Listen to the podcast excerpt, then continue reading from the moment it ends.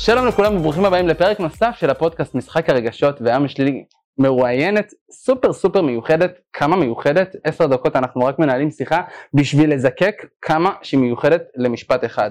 אז תכירו את ליאל סולימן. איזה כיף, איזה כיף להיות פה. כן, שהיא מנטורית, שהיא מנטורית NLP ועוזרת בעצם לאנשים להתחבר לאותנטיות שלהם, שזה סופר מעניין בדיוק. וסופר חשוב בעידן. אה, לבטא את האני האותנטי גם החוצה, זה משהו שלא מובן מאליו, כאילו אנשים בדרך כלל מנסים להיות משהו שהם לא. אז אני בעצם עוזרת לנשים, ובעזרת השם אני גם אתרחב לעוד קהל, אה, להתחבר על עצמן ולהביא בעצם את כל המתנות והחוזקות שלהן החוצה, בין אם אז- זה בשיח, היומיומי אפילו. זהו, אז בואי ספרי לנו באמת מה את עושה כאילו ביום יום מבחינת הקליניקה, מבחינת הלקוחות, כן. מבחינת הפודקאסט שאפילו יש לך. זהו, אז uh, ביום יום באמת אני גם, uh, יש לי מתאמנות בקליניקה שאני בעצם עוזרת להן, זה בעצם תהליך כזה של בניית דימוי עצמי, ביטחון עצמי שהוא ממקום יותר יציב, פחות מחפש אה, אישורים מבחוץ, אז ככה אני עובדת איתן על זה, אני למדתי NLP, אני מתמחה בזה, אה, וכן יש לי פודקאסט בשם עוברים גלו-אפ, שם אני מדברת באמת על לעבור גלו-אפ, שזה, עברתתי את הדבר הזה, לקחתי את זה מחו"ל, את הסלנג, שזה בעצם לעבור ממצב A למצב B, ממצב כרגע לאני האידיאלי שלי, למה שאני רוצה להיות. עכשיו בדרך יש כמה מישורים, יש גם במישור הפיזי לעבור glow-up, שזה בעצם סטיילינג, אני הייתי סטייליסטית, זה משהו שעסקתי, יש גם במישור המנטלי, שזה בעצם כל ה... אתה יודע, אמונות מגבילות, NLP, כל הזה, יש במישור הרוחני גם. אה, ויש גם במישור הרגשי, שזה לתת מתן ביטוי לרגשות שלנו. עם כל הכבוד ללימודי NLP, יש עוד הרבה דברים. אני למשל, אה, הייתי מתעכבת בעיקר גם על הלעבור גלו-אפ רגשי, שזה בעצם לדבר יותר על הרגשות שלי. כי אני, יש לי כזה סיפור חיים שכזה, הסיפור הקלאסי שכאילו התבריינו וצחקו עליי ביסודי וזה וחרם ובלה בלה בלה ומתוך זה אה, נוצרו המון חסמים רגשיים, לא הייתי מדברת על הרגשות שלי, אה, לא הייתי מוכנה להראות פגיעות. וחלק בלהיות אותנטי, בדיוק, קרנפית, שאף אחד לא חודר אליי. בדיוק, וחלק מ- מלהיות אה, אותנטי, ואם אני רוצה להביא את השינוי הזה ולהפוך את העידן הזה לעוד יותר אותנטי, אני צריכה גם להראות פגיעות פתאום, אני צריכה להראות רגשות, אז בעצם הייתי. צריכה, בדיוק, אה, ו- וזה מה שאני גם בעיקר מעבירה בתוכן שלי, זאת אומרת, היה לי ממש תהליך כזה של להוריד שיפוטיות מעצמי ולהרשות לעצמי גם לבכות בסטורי ולהרשות לעצמי להראות שלא הכל בסדר, שזה משהו שאני עושה מתחילת הדרך. כאילו איך שפתחתי גם את העסק, אני שיתפתי את הקהל שלי תמיד בקשיים גם, אמ, בדברים הפחות נעימים של העסק, וזה שזה מה שגרם לו להתחבר אלייך בסופו של דבר. וזה בדיוק. גם, גם, כמו שאמרת, להתחבר לרגשות. אני אישית כאילו גם אה, אה, סיימתי בדיוק הכשרה של מטפלים של אה, קורס CMT, שזה שיטה לטיפול בזיכרון התאי וניהול רגשות, זו שיטה Mm. קוונטית מטורפת, שכאילו מעבירה תהליכים רגשיים תוך טיפול או שתיים, את מזהה למטופל את הכפתורי כאב, את האמונות המקבילות, ובאמת מעבירה אותו דרך אה, דמיון מודרך, אה, תהליכים שיכולים לקחת שנים, בכמה, בכמה מפגשים בודדים. אה, ואני אישית באמת גיליתי את הברק שבי, למרות שתמיד הייתי עם ביטחון עצמי, אבל גיליתי באמת את הברק שבי ואת האותנטיות רק מתי שבאמת ידעתי להראות את הפגיעות, מתי שבאמת אפשרתי לעצמי fucking לבכות גם בתור גבר ולהראות את הרגישות שלי, להראות את, ה, את, ה, את הניקיון של הנפש שלי ו. ומתוך המקום הזה כאילו לא פחדתי להיפגע, לא פחדתי להרגיש, להפך אמרתי כאילו אני מרגיש, מה אכפת לי, אם הבן אדם לא סבבה לו, החוצה, out, אני הייתי שם, כבר כשהייתי בסיטואציה הייתי, אם לא קיבלתי את הפידבק שאני רוצה, אז זה בסדר גמור, זה בסדר להיות עצוב, אני מכיל את הסיטואציה ומתקדם וואו, הלאה. וואו, כמה זה חשוב גם להכיל את עצמך, בדיוק מה שאמרת עכשיו, להכיל את הסיטואציה, לתת שנייה מענה לרגשות, למה מה קורה אצלנו בעולם הביזנס והעסקים? מטרה למטרה, רצים מפה לפה, משם לשם, משם לשם, כמה זמן כבר במהלך היום אתה שואל את עצמך מה קורה איתי? אין. מה שלומי? כאילו, אנחנו לא נותנים לעצמנו להתפרק, ואמרת גם בתור גבר, אז במיוחד בתור גברים, אני מרגישה שלפעמים רוצים להציג איזה חזות מסוימת. בדיוק, מצ'ואיסטית וזה, אז, אז אני פה בשביל לעשות את הסוויש הזה בתפיסה, שכאילו, זה הכי גברי, זה הכי גברי שיש להפך, אני מרגיש כבר, אני רואה גברים במכון, מה זה? כאילו, עם שרירים והכל, ואני מסתכל עליהם ואני אומר, כאילו, אני אוכל אותם בלי מלח, כאילו, גם בשיח, גם בעומק, כאילו, לא בשביל משהו, כי בגלל שאני מחובר לעצמי, כאילו, אני מרגיש שיש לי איזה סוג של מאגרי דלק מטורפים, שאין להרבה מאוד אנשים, במיוחד היום, שהם יחסית מנותקים מעצמם. ובהקשר לזה, אני רוצה לשאול אותך את השאלה הראשונה. כן. שאני חושב על uh, מישהי שמתעסקת ב-NLP, ו- והיא מלווה תהליכים רגשיים. את לא עולה לי בתמונה הראשונה, את כאילו טפנס, את מאוד חריפה, מאוד חדה, כאילו, לא ה- מה שנקרא הסטריאוטיפ. אז כן. כאילו איך את מרגישה עם זה ואיך את ממנפת את זה? זהו, אז האמת שזה מה שבדרך כלל קופץ להמון אנשים לראש כשהם שומעים כזה מאמנת NLP או מטפלת, שזה כאילו דמות כזה שצריכה להיות מאוד אמ, בדיוק אסופה ולתת מענה לרגשות וחיבוקי ולבידה וזה. עכשיו זה לא אומר שאין את הצד הזה. יש לגמרי, יש בי את הצד הזה המחבק, אצלי בקליניקה למשל אין שיפוטיות, כאילו אין כלום, משאירים את זה מחוץ לדלת. יש את החיבוק, יש את הקבלה עצמית, אבל בדרך שהיא מאוד מותאמת לי, וכאן באה האותנטיות, כי בסופו של דבר אנשים שואפים כזה, טוב אם אני משווק אז אני צריך להתלבש ככה ואני צריך להיראות ככה ולדבר ככה ולדבר מהר וזה, אבל לא, בוא תביא את עצמך כמשווק. אם את מאמנת NLP בואי תביא את עצמך כמאמנת NLP כי אנחנו מכלול של המון המון חלקים, יש בנו המון רבדים ולפעמים אנשים מעמעמים קצת חלקים בעצמם כדי להתאים לאיזה סטריאוטיפ, לאיזה title. האמת שהבאת לי באמת רעיון שדיברתי עליו עם אה, קולגה שלי, כי אני עושה גם TikTok ו reels והכל, עכשיו יותר לאחרונה, כי לרוב אני מתעסק עם לקוחות, אני מתעסק בשיווק של העסק שלהם והכל, ואחרי המון המון שנים שאני כבר בתחום, אמרתי לעצמי, שנייה, אני מוריד, שנייה, לא מוריד רגל רגע מהגז, נותן באמת, מוסיף עוד עובדים, מאפשר אה, להם אה, לעשות את העבודה, ושנייה מתמקד בעצמי. ודרך מסוימת לבטא את עצמי זה אני שר, מאז ומתמיד, אז אמרתי למה לא לעשות כאילו סרטונים שאני אשכרה גם נהנה מהם, אני שר בהם ודרך זה מעביר את המסרים השיווקיים, כמו לדוגמה נגיד שלקוח, סתם, לדוגמה, חושב על סרטון טיק טוק. שלקוח מגיע אליי ואומר כזה שהוא חושב שהוא יודע הכל בתכלס והוא לא צריך בעצם את העזרה שלי ואז הוא עושה I want it that way. וואו. לא, אחי, לא, אתה לא יודע. לא. אז כאילו לקחת את הפן המוזיקלי ולשלב את זה עם מסרים שיווקיים. אם אתה לא עושה את זה, אני, אני, אני רודפת אחריך בא אותך. מהאוזן, כן, מה זה? כן. אז זה בדיוק זה, זה בדיוק. בדיוק זה, זה להביא, הרי וואי, זה היה לי שיחה גם עם ידיד על זה, שהוא כזה, ליאל, אני גם שר, אני גם שחקן, אני גם כזה וגם כזה, על מה אני אדבר בטיקטוק? כי הוא רוצה להיכנס לטיקטוק. עכשיו, אני הייתי גם משווקת כאילו עסקים בעבר וזה, הייתי מנהלת להם עמודים, אה, אז כן, כאילו, יש לי את הפן המאוד שיווקי, ואני אומרת לו, למה אתה צריך להתמקד? למה לבחור? גם... קשה לי, קשה לי עם אנשים שאומרים, אתם חייבים להתמקד בנישה מאוד מאוד ספציפית. לא, אתם הנישה, אתם מביאים את כל... הבן אדם. בדיוק. אנשים הרי, זה, זה משפט חרוש, אני יודעת, מצוץ מהאצבע, אבל אנשים קונים מהאנשים בסופו של דבר. אז כאילו בוא תביא אותך, בבקשה, זה מה שאני רוצה לראות גם אצל בעלי עסקים, אצל אנשים בכלל, יוצרי תוכן. בואו תביאו את כל החלקים. אני חשבתי שבגלל שאני מאמנת NLP, זהו, אין יותר סרטונים של סטיילינג, אין יותר סרטונים שכאילו, בדיוק, אין צחוקים, אין דחקות, לא אני צריכה רציני. להיות רק רצינית. ושמתי לב שהתכנים שלי שבסופו של דבר הכי מתחברים אליהם זה כשאני אני. נקודה, בלי הם לתכנן אובר, בלי להיות איזה דמות שאני לא, פשוט להביא את כל, את כל מי שאני. זה גורם לי בעצם אה, לחשוב על השאלה השנייה, בעצם מה את חושבת על התופעה של התירוציאדה? כאילו שאנשים לרוב רוצים אה, להיות נועה קירל, אבל בקושי העלו אפילו שיר שלהם ליוטיוב, או אפילו לא עשו איזה סרטון קצר ברילס. איך את אה, בעצם מתמודדת איתה במיוחד בקליניקה לדוגמה? כן, אז זהו, האמת שמאחורי כל תירוץ בסופו של דבר מתחבאים פחדים. כאילו אין מה לעשות, תמיד בן אדם שיתרץ למה הוא לא עושה משהו, יש לו שם אמונות מגבילות, יש לו שם כל מיני דברים לא פתורים. אז קודם כל אם אתה שואל, אם אתה שואל אותי איך אני מתמודדת עם זה בקליניקה, אז קודם כל יאללה בואי ניגש לאמונות המגבילות. למה? מתחילה לעשות איתה קצת סשן, קצת דמיון מודרך. אבל בכללי על תירוציאדה, אני חושבת שבן אדם שמתרץ למה הוא לא מגיע למקום מסוים וזה הולך להישמע קצת כזה קשה, קצת... אה, תביא לנו את זה, זה מה שאנחנו. בדיוק, קצת לתת בראש, אבל הוא לא באמת רוצה להגיע לשם. זאת אומרת, אני יודעת שעם כל ה...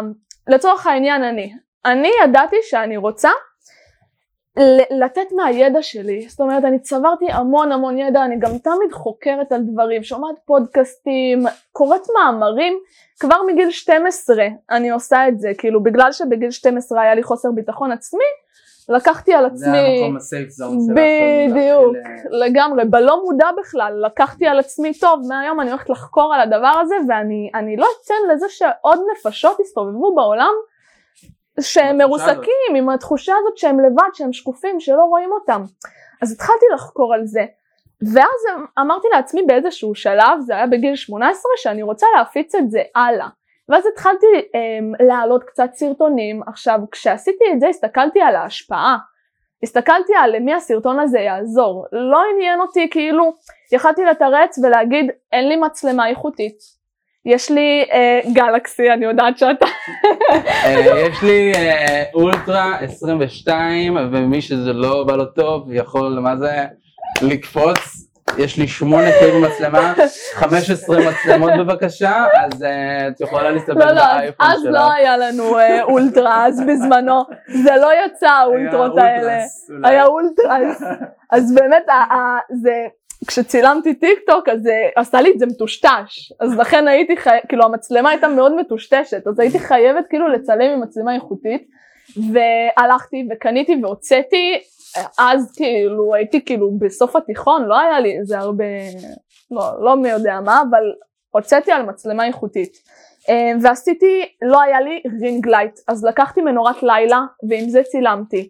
והייתי בבית מאוד מאוד קטן ולא היה לי איפה לצלם, אני הייתי ישנה עם אח שלי בחדר ולפעמים גם בסלון, לא היה לי באמת חדר משלי לצלם תכנים, אז הייתי מחכה שכאילו אימא שלי תצא לעבודה וכאילו אנשים לא יהיו בבית כדי שאני אוכל להעמיד איזשהו, קניתי מסך לבן מאלי אקספרס, מעל בד מעפן, ואמרתי אני אעמיד את זה כשכולם כאילו יהיו בעבודה ומחוץ לבית, ואז הייתי מצלמת ככה תוכן, זה היה בתקופת הקורונה, ובאמת היה לי את כל הסיבות בעולם, זה היה קשוח, תקשיב, כל פעם להוציא מסך ולארגן ולחכות ופתאום מפריעים לך, והבית כזה קטן, לא היה לי משאבים, אבל בסופו של דבר וכאן נכנס, אני חושבת שגם נדבר על זה בהמשך השאלות, כאן נכנס המניע הפנימי. הרי למה בסופו של דבר אנשים רוצים להיות אה, נועה קירל או לא יודעת מה, או רוצים להיות משהו? כי יש להם איזשהו למה חזק, ואם אין להם, אז התירוצים מגיעים. בדיוק. אוקיי? אז, אז הלמה החזק הזה של מה זה משנה איזה רקע יש לי פה, מה זה משנה איך האיכות של הסרטון, אני רוצה, לה... בדיוק, אני רוצה להשפיע, אני רוצה לעזור לאנשים. וזה מה שעזר לי להתמודד עם התירוץ הזה. זהו, אז זה בדיוק מוביל אותי באמת לשאלה השלישית, אנחנו באמת חיים אה, בעולם מאוד כזה, מה שנקרא עטיפת צלופן, הכל יפה, הכל מדויק, הכל כזה fine tuning, ובעצם שהמון המון אנשים נכנסים לאינסטגרם וגם לפייסבוק ויצאו גם מחקרים, נכנסים אשכרה כאילו לדיכאון, יורד להם מוטיבציה, הם לא בעצם מתפקסים בעצמם, הם מתפקסים בחיים של אנשים אחרים. אני בקושי כאילו מוצא זמן להעלות לעצמי היסטוריה, אז אני אתחיל להסתכל בחיים של אנשים אחרים, בום, נגמר לי היום.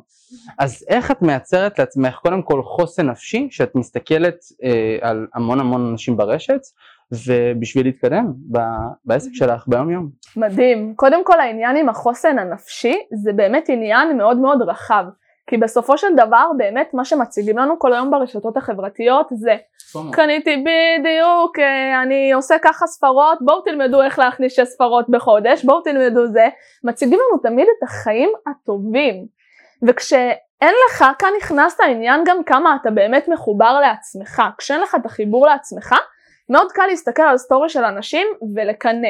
ומאוד קל גם, אמ, אם כבר העלית חוסן נפשי, אז מאוד קל להסתכל על תגובות רעות שמגיבים לך ולקחת את זה מאוד מאוד באופן אישי. ו- וזה יכול להרתיע בן אדם, כאילו, ואני חושבת שזה מתחיל מהשוואות גם. כי אתה בסופו של דבר מסתכל על אנשים ואז אתה רוצה להיות כמוהם, ואנחנו מדברים כאן על אותנטיות, נכון. אז בסופו של דבר אתה צריך לראות שנייה מה המסלול שלך. מה, מה אתה עברת, מה המשברים שאתה חווית, וזה הכי קשור לחוסן מנטלי וחוסן נפשי, כי אנשים עם כל הכבוד למה שהם עושים קים קרדשיאן, אה, נועה קירל, כל האנשים שכאילו אנחנו רוצים להיות כמוהם, להם יש את המסלול שלהם, הם חוו משברים שהובילו אותם להיות מי שהם. אז במקום להסתכל על המשברים שלהם, בואו תסתכלו על המשברים שלכם. וואלה, אנשים לא שמים לב. הרי בן אדם... לנצל את המשברים בסופו של דבר של. עצמם בשביל לייחד את הסיפור שלהם. לגמרי. הרי למה, כאילו, אפילו כשאני הייתי בכוכב הבא, ישר שאלו, מה, מה הסיפור שלך? כאילו, בדיוק. ואז כששברתי את הלב ואמרתי את כל מה שחוויתי, אה, טוב, התקבלת, יאללה, סע. אבל כאילו, אם לא היה לי סיפור, אז כאילו, אתה בתכלס לא מעניין. נכון. אז שורה תחתונה, תמיד אנשים אומרים, אני לא חושב שאני מספיק מעניין, היום יום שלי לא מספיק מעניין. רגע, שנייה, אם אתה שם לעצמך בסופו של דבר איזה כמה נקודות במהלך השבוע שלך, שבאמת אתה או יוצא מהבית, או חווה איזה משהו עם חבר, או קיבלת איזה תובנה כתוצאה מאיזה צפייה, תעלה את זה, תשתף. לגמרי. ו- ובהקשר לחוסן, אני רוצה באמת אה, אה, עוד יותר שניכנס אה, פנימה, זה העניין של הוויתורים. לרוב שאנחנו מסתכלים באמת על קים קרדשין, על, על נועה קירל, או על טריליון ואחד מפורסמים אחרים, נראה לי ציינו את שם נועה קירל אולי 15 אלף פעם בפודקאסט. אתה התחלת. אז נראה לי את הולכת לקבל תמלוגים, כאילו על כל דבר, נראה לי הולכת לק- לקבל אה, תמלוגים, ממש, להפך בפרגון, אז אה, הם לא, אנחנו לא מודעים לכמות ויתורים שהם עושים, הם עושים ימבה.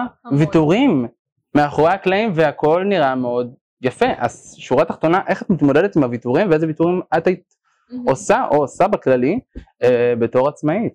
אז זהו, הוויתורים שאני בעיקרון צריכה לעשות בתור עצמאית זה המון לדעת לנהל את הזמנים שלי נכון. אני אופטימית עם הזמנים שלי, אני כאילו מבחינתי, גם עכשיו כאילו אתה אמרת לי בואי לפודקאסט זה היה הכי כאילו בזרימה ואני כזה רגע אבל יש לי בלוק שלם של יום צילום תוכן אה, ויש קמפיין שמחכה שאני אצלם אותו וזה והנה כאן העקב אכילס שלי. כאן אני כאילו צריכה לראות על מה אני זה. עכשיו פה בגלל שזה פודקאסט ואני יודעת שאני יכולה גם לתת עוד קצת מעצמי ועוד השפעה אז סבבה אז אני הצילומים ימשיכו לחכות לי אבל אם זה לא היה ככה אם זה נגיד היה חברה שרוצה לבוא איתי עכשיו באמת לחופשה בחו"ל אומרת לי תסגרי הנה נתת לי גם את זה דוגמה בפלאפון נכון, שהיה מסיבה ואמרתי כאילו אני אין, אני רוצה להישאר ופתאום חברים קונים לי כרטיס למסיבה ואני מוצא את עצמי בשבת במסיבה למרות שבתכלס הייתי אמור לסיים דף נחיתה.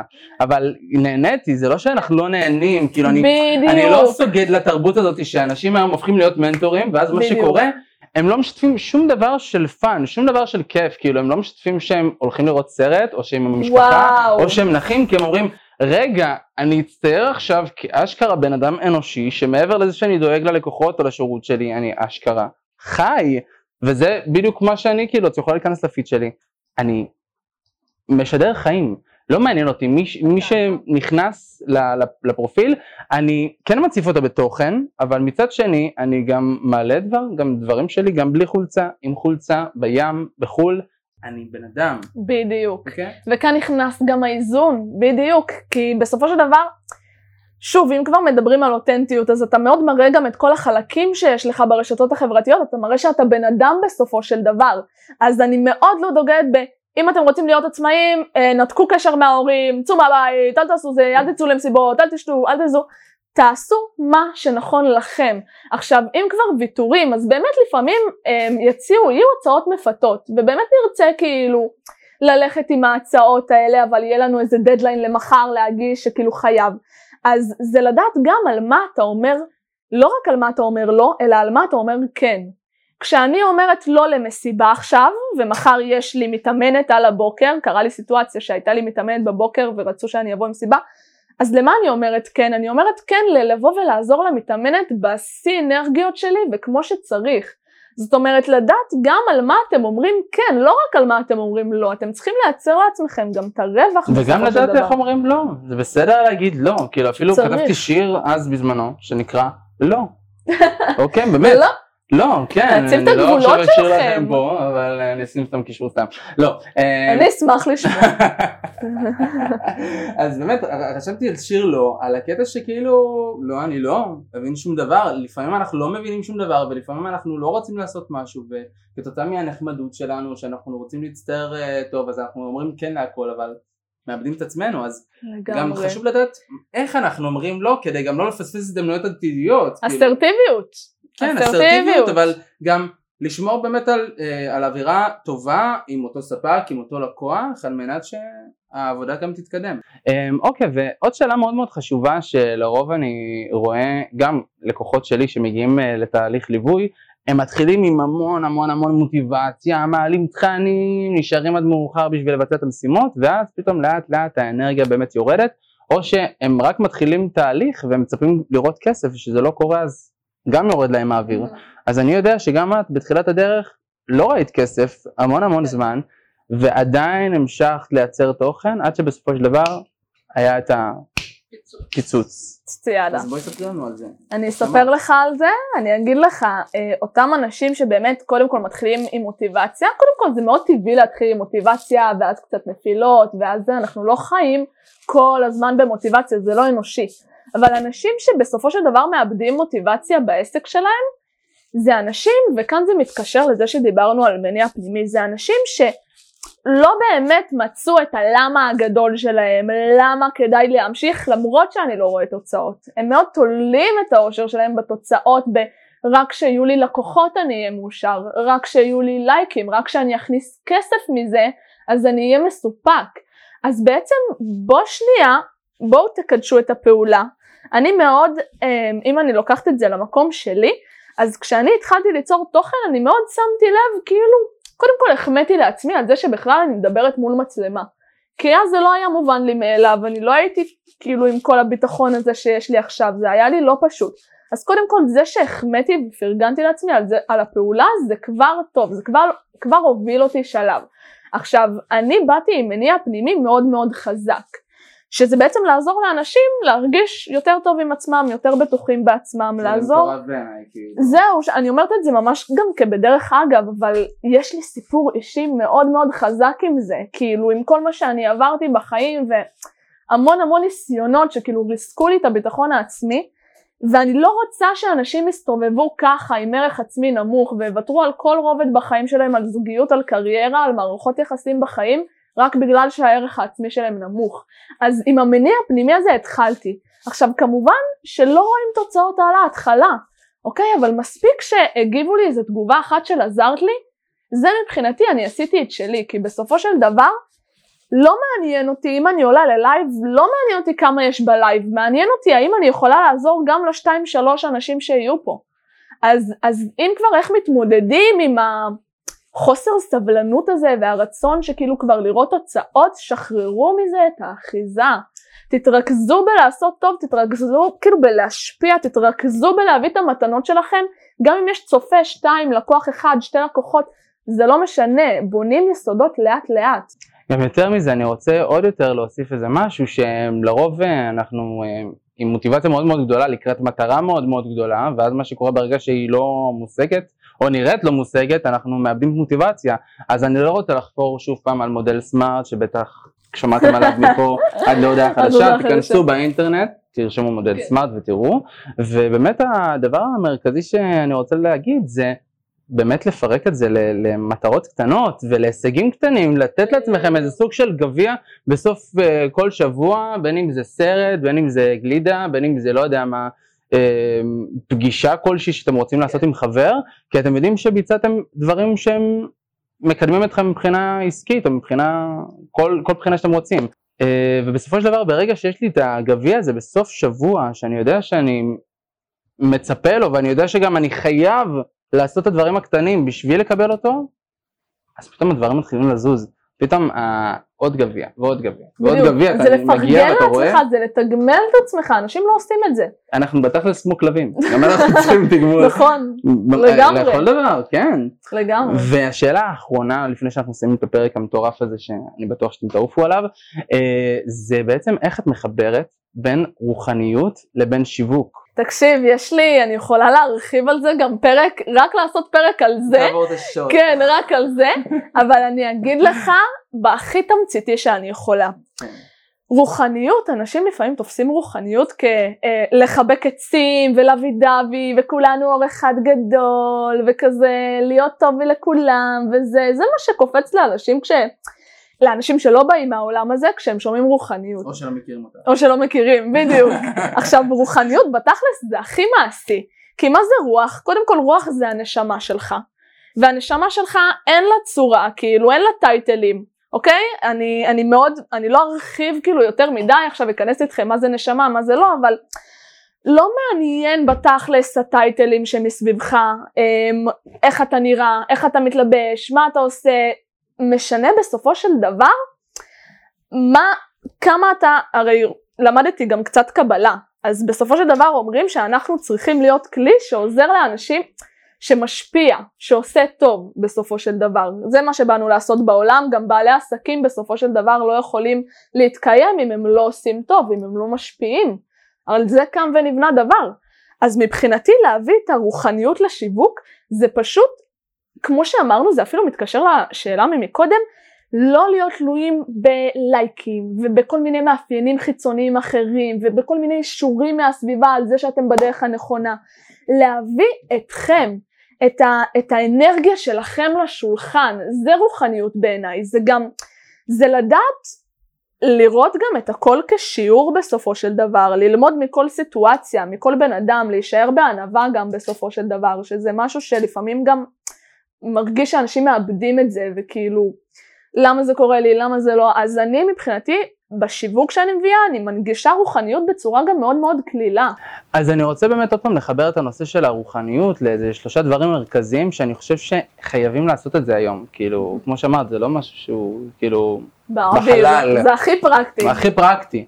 הדבר הראשון בעצם זה אה, שקט לעומת רעש. היום אתה נכנס לאינסטגרם, אתה חושב שהגעת לאיזה בבוניאדה, כולם צועקים, כולם כועסים, הכל דרמטי, הכל מוקצן, וכאילו אנשים כבר רגילים לזה עד לרמה שכאילו הם כבר לא מייחסים לזה חשיבות ונוצר להם איזה סוג של מסננת לעומת כל המסרים המטורפים האלה.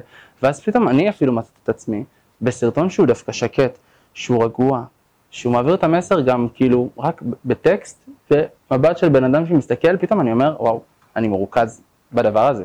כי פתאום המוח שלנו, כמה שהוא מכונה מורכבת, דווקא השקט שנותנים לו בתוכן, לפעמים זה עושה את האפקט הכי גדול שיכול להיות. והדבר השני שעוד שמתי לב לזה, זה הנושא של הכוונות. שלרוב הקהל בסופו של דבר מזהה את הכוונות האמיתיות שלנו מאחורי שפת גוף, שאני חושב שסופר חשוב ללמוד את זה במיוחד בעולם היום. אמ, דרך שפת גוף, דרך אה, מימיקת פנים, דרך האוטונציה, הוא כולל שאתה מוכר לו. אבל אתה רוצה למכור לו, אין בזה שום דבר רע בלהרוויח כסף ולמכור ולהיות עצמאי, אבל אתה מאמין במה שאתה מוכר, אתה מוכר לו באמת מוצר שהוא טוב, mm-hmm. אתה באמת תעביר אותו את התהליך שאתה מתחייב לפיו, ואז מתוך המקום הזה שאתה באמת מתחבר באמת לעצמך, אז כבר לא, לא מתבצעת מכירה, אין כבר מכירה. נכון. הבן אדם מגיע אליך, מכיר אותך, מכיר אותך באמת, ואז מה שנותר לך זה להגיד, טוב, זה 400, 500, 1,000, 1,500, 2,500 שקל, לגמרי. והוא ישלם, כי הוא רוצה לגמרי. אותך. לגמרי, גם אין דבר רע כאילו בלעשות נגיד אה, סרטון לשם מכירה, או לעשות סרטון או פוסט לשם מכירה, אלא פשוט להבין אבל שאתם כאילו להיות מחוברים למה שאתם מעבירים, כמו שאתה אומר, כי מה זה רוחניות? זה רוח. אז תביאו את הרוח שלכם של, שייחודית לכם אל תוך הפוסטים. את האנרגיה, זה השלישי. האנרגיה, האנרגיה שלכם, בדיוק. הרי אנשים מבינים את האנרגיה. אם אני עושה סרטון ואני לא מתחברת למה שאני אומרת, יש משווקים, אני, אני לא, לא כאילו זה, אבל כאילו שאומרים לך איך לפרסם, מה לעשות, איזה סרטונים לעשות, וזה מתנגש באיזשהו מקום גם עם ערכים שלך. אז אם כבר להביא רוחניות, תביאו את הרוח שלכם. תנסו להבין איך אתם מדברים על נושאים שמעניינים אתכם, לא על נושאים ש... כי אמרו לכם, או כי זה רלוונטי וזה טרנד עכשיו. אז שם הרוח, כאילו, שם הרוחניות מתבטאת בשידור. כשאתה מתחבר גם לאנרגיה שלך, יש משהו בזיקוק של האנרגיה שלך, שמביא לך גם את הזוגיות הנכונה והמדויקת, גם את החברים, גם את המשפחה, כי אתה, מה שנקרא, לא מוותר לעצמך. לא מוותר לעצמך להיות מי שאתה. שורה תחתונה. לגמרי. והדבר האחרון שבעצם נותר לנו בעצם לדבר עליו זה הנושא של המשימה. היידה, להוריד לפרקטיקה. זהו, אז במיוחד כשאנחנו מדברים על הנושא של האנרגיה ועל האותנטיות, שזה בתכלס השם של הפרק, שבואו נגיד השם של אותנטיות הפרק, בעולם מפולטר. אותנטיות בעולם מפולטר. נעשה על זה שם- סדנאות. שם טיל בליסטי של הבלסטיקה. אני לא יודע מה אמרתי כרגע, אבל תזרמו איתי. אמ, אז בואו אנחנו נוריד את המשימה לפרק יאללה. הנוכחי, אז בואי תתני לנו אותה. יאללה, אני אתן לכם את המשימה. עכשיו, כל הזמן הזה דיברנו על אותנטיות, ואיך אה, לשווק את עצמנו באותנטיות, ככה ברוח הביזנס והעסקים. כמו שליאור אומרת, פרקטיקה. פרקטיקה. אז מה שאני רוצה שתעשו, זה גם כי דיברנו על השוואות ולנסות להיות משהו שאנחנו לא, ואיך בעצם מתחברים לאני האותנטי, אני רוצה שתסתכלו על איזשהו משבר שחוויתם בחיים שלכם, איזשהו קושי שהיה לכם, ותספרו עליו, בין אם זה בפוסט, בין אם זה בסרטון, תספרו ממש מהלב, איך התגברתם על הקושי הזה, מה חוויתם שם, מה, וואו. בואו, כאילו תנו הרגת אני- אותי. אני רוצה באמת ש, שתהיו פתוחים, כי כשאתם פתוחים גם עם הקהילה שלכם, אני לא יודעת, זה לבעלי עסקים הפודקאסט הזה, או רק... זה ב- בעלי עסקים, אנשים לאנשים- שרוצים באמת לגרום לעצמם ולאנשים אחרים להתאהב בהם. כל זהו, אז ש... כל מי שזה מהמם, אז גם אם זה, זה לא יהיה רק כאילו בתור פוסט או סרטון, גם אם זה יהיה סתם בפני איזה. חבר, בדיוק, תשתפו, תוציאו את המשברים שאתם חוויתם, את התובנות שאתם הפקתם מהמשברים שחוויתם, תוציאו את זה. כי אתם יכולים לעזור להרבה נשמות אז בדרך. פוסט אחד על משבר בעצם שהם חוו ואיך הם התעלו. בדיוק. האמת שאני חייב להגיד-. אני חייב להגיד שאני באמת אה, עושה את זה ביום יום שלי, מבחינה של הפוסטים, אני פחות מעלה story, אין מה לעשות, זה החולשה שלי, אין לי זמן. אז אני מעדיף להעלות פוסט, כי אני יודע שזה נשאר שם, וזה מקבל את המקום שלו, וסלמתק כל טוב. ואחד מהדברים המרכזיים שגיליתי, שהאינסטגרם הוא לא מבחינתי רק כלי שיווקי, הוא גם כלי נפשי ורוחני, שאני מרגיש שאני גם מתעד את החיים שלי, ואני גם נותן מקום לדברים מאוד מיוחדים, וגם אני גם משחרר את הראש שלי, כי ברגע שאני פורק את הדברים בכתב, ואני מצרף לזה תמונה או סרטון או כל דבר כזה או אחר, אני מסיים את וואו. הפרק הזה. אני מסיים את הפרק ממש. הזה, ואז אני יכול להתנקות לדברים נוספים. עולה לי כאילו מכאן כתיבה אינטואיטיבית, שזה משהו שכלי שאני תמיד משתמשת בו, כשאני רוצה לפרוק וגם, כמו שאתה אומר, לסיים את הפרק הזה בחיים, כאילו חוויתי קושי, מספיק שאני אכתוב את זה ואשחרר. אז יש כלי מאוד מדהים שנקרא כתיבה אינטואיטיבית, שזה פשוט לכתוב כל מה שעולה לכם לראש, כל המחשבות, כל הרגשות, וזה מין פורקן כזה, פתאום כאילו אתה מבין, גם עושה סדר בראש, כאילו, מדהים. אז זהו, ת, ת, תכתבו, פשוט היה תכתבו. לי פרק מדהים, מדהים, מדהים, מלא באותנטיות, אני וליאל, העיני לייזר שלנו התמגנטו אחד לשני כל הפרק, אז היה פה סופר אותנטי. אה, אז כמובן כל הלינקים לכל הערוצים שלך, פייסבוק, אינסטגרם, טיק טוק, טמבלר, אה, אה. אה, וכמובן נגיד שוב פעם תודה לסטודיו של מוטי וגמן, שהוא מארח אותנו באופן. קבוע בפינות, אז אתם מוזמנים לבוא לעשות לכם תמונות סטילס או סרטון תדמית. אז תודה רבה, נתראה בפרק הבא, אוהבים המון!